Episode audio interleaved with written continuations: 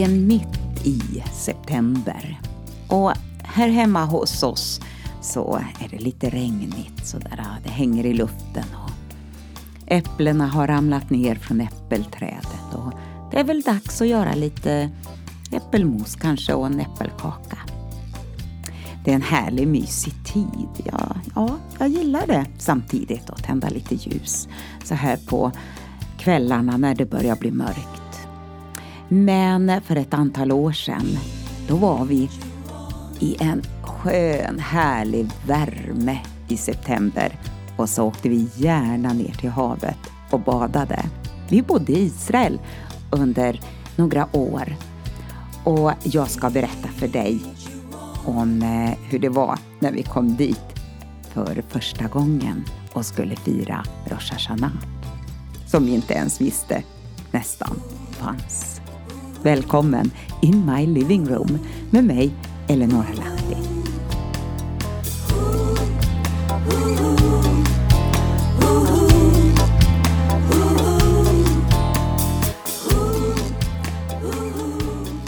Dagens text kallar jag för September att minnas.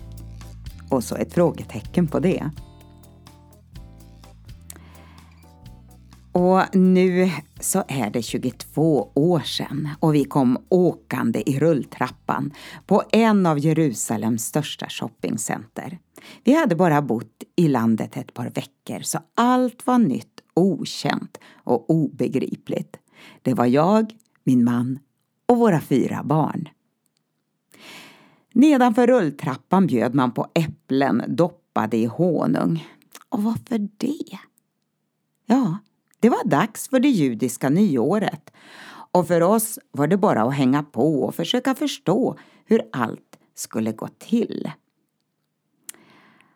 Och eh, när jag tittar i mitt Facebookflöde en dag som den här så bara dyker det upp massor med härliga bilder och man önskar varandra gott nytt år.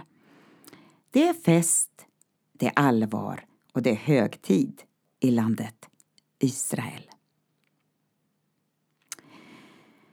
Och det år man lämnade då bakom sig när jag skrev det här, det är sju år sedan. Det är ett Shemita-år. Och jag måste då säga att eftersom det är sju år sedan jag skrev det så är det faktiskt ett Shemita-år som vi också lämnar bakom oss just nu. Det är ett sabbatsår som det judiska folket skulle ha vart sjunde år och en ny årsvecka börjar.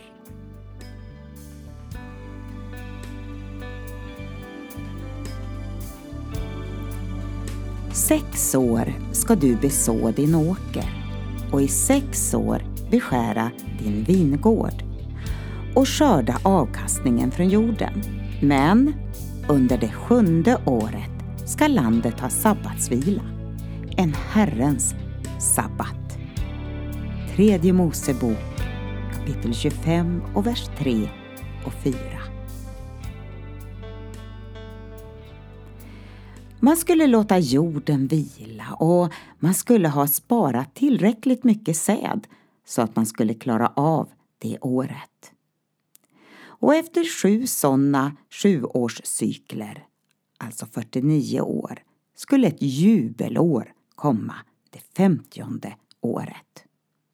Eftersom man inte riktigt tog eh, Guds tilltal i akt så hamnar man så småningom i krisläge. Folket fördes bort i fångenskap till Babylon så att jorden kunde få vila alla dessa år man inte hade tagit Guds uppmaning på allvar. Man fick helt enkelt betala i efterskott för att man inte tagit Guds tilltal på allvar. I Andra krönikeboken 36 och 21 läser vi Landet skulle få gottgörelser för sina sabbater. Så länge det låg öde hade det sabbat till dess att 70 år hade gått. Och den tid vi nu går in i under september månad, den är oerhört intressant. Och jag har skrivit och jag har berättat om det här på olika sätt. Men nu åter till det här med sabbatsåret. När jag bodde i Israel kom jag i kontakt med en del föräldrar till våra barns skolkamrater. Några var lärare, andra var militärer. Och en av de här föräldrarna läste då konstvetenskap på universitetet. Hon var lärare och hade nu kommit till sitt sabbatsår. Där hon fick möjlighet att förkovra sig på ett område som intresserade henne. Varje år avsattes det en del av hennes inkomst så när hennes personliga sabbatsår inträffade så fick hon 70 procent av sin lön för att studera något hon själv valt. Hennes man som var militär, han skulle få ut hela sin summa utbetald när hans sabbatsår inträffade. För att själv planera sitt år. Ja, kanske ut och resa.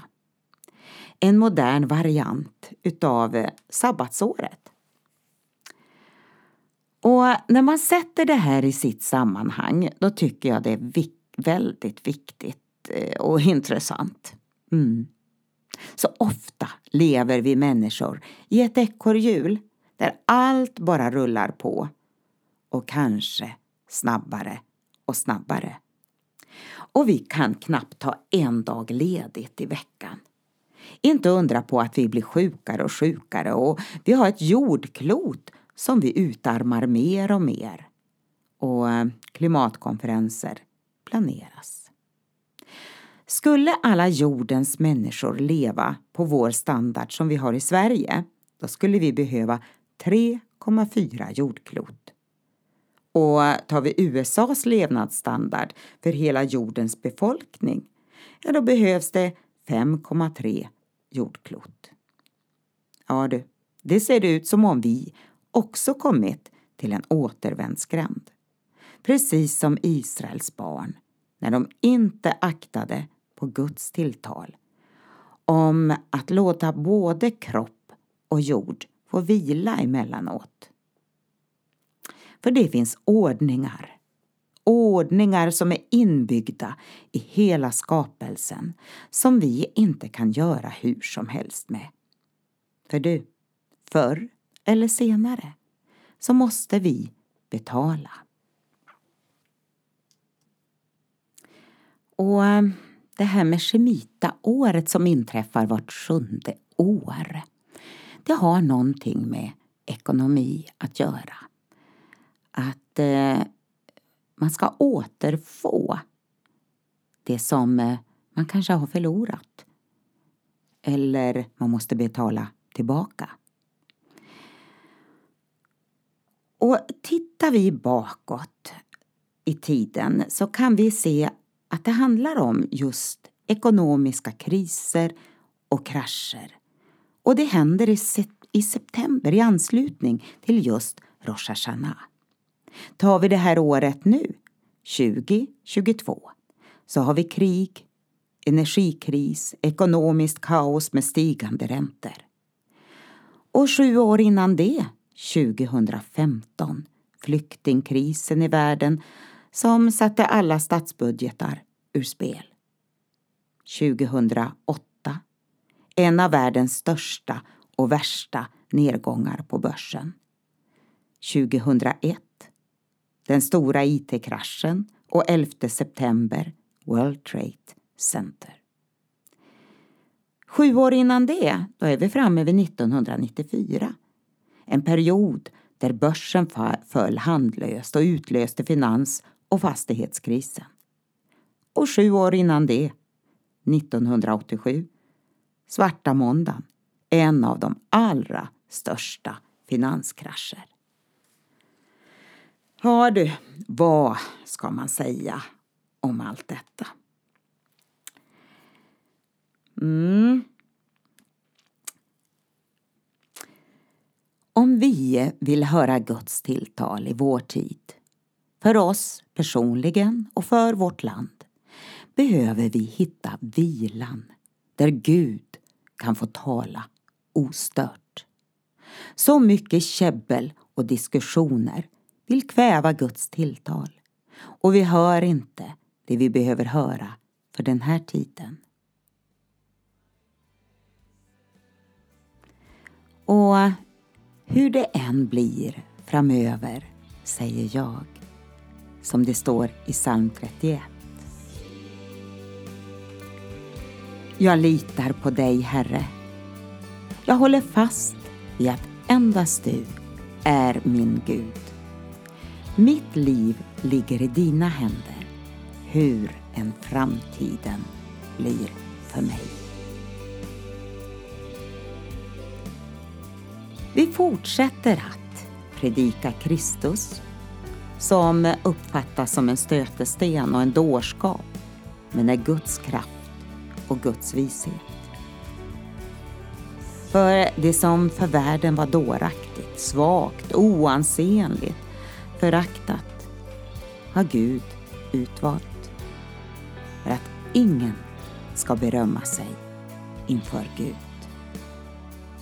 I Första Korinthierbrevet 1, vers 23 till 29. Du, vi sitter alla i samma båt, så låt oss hjälpas åt.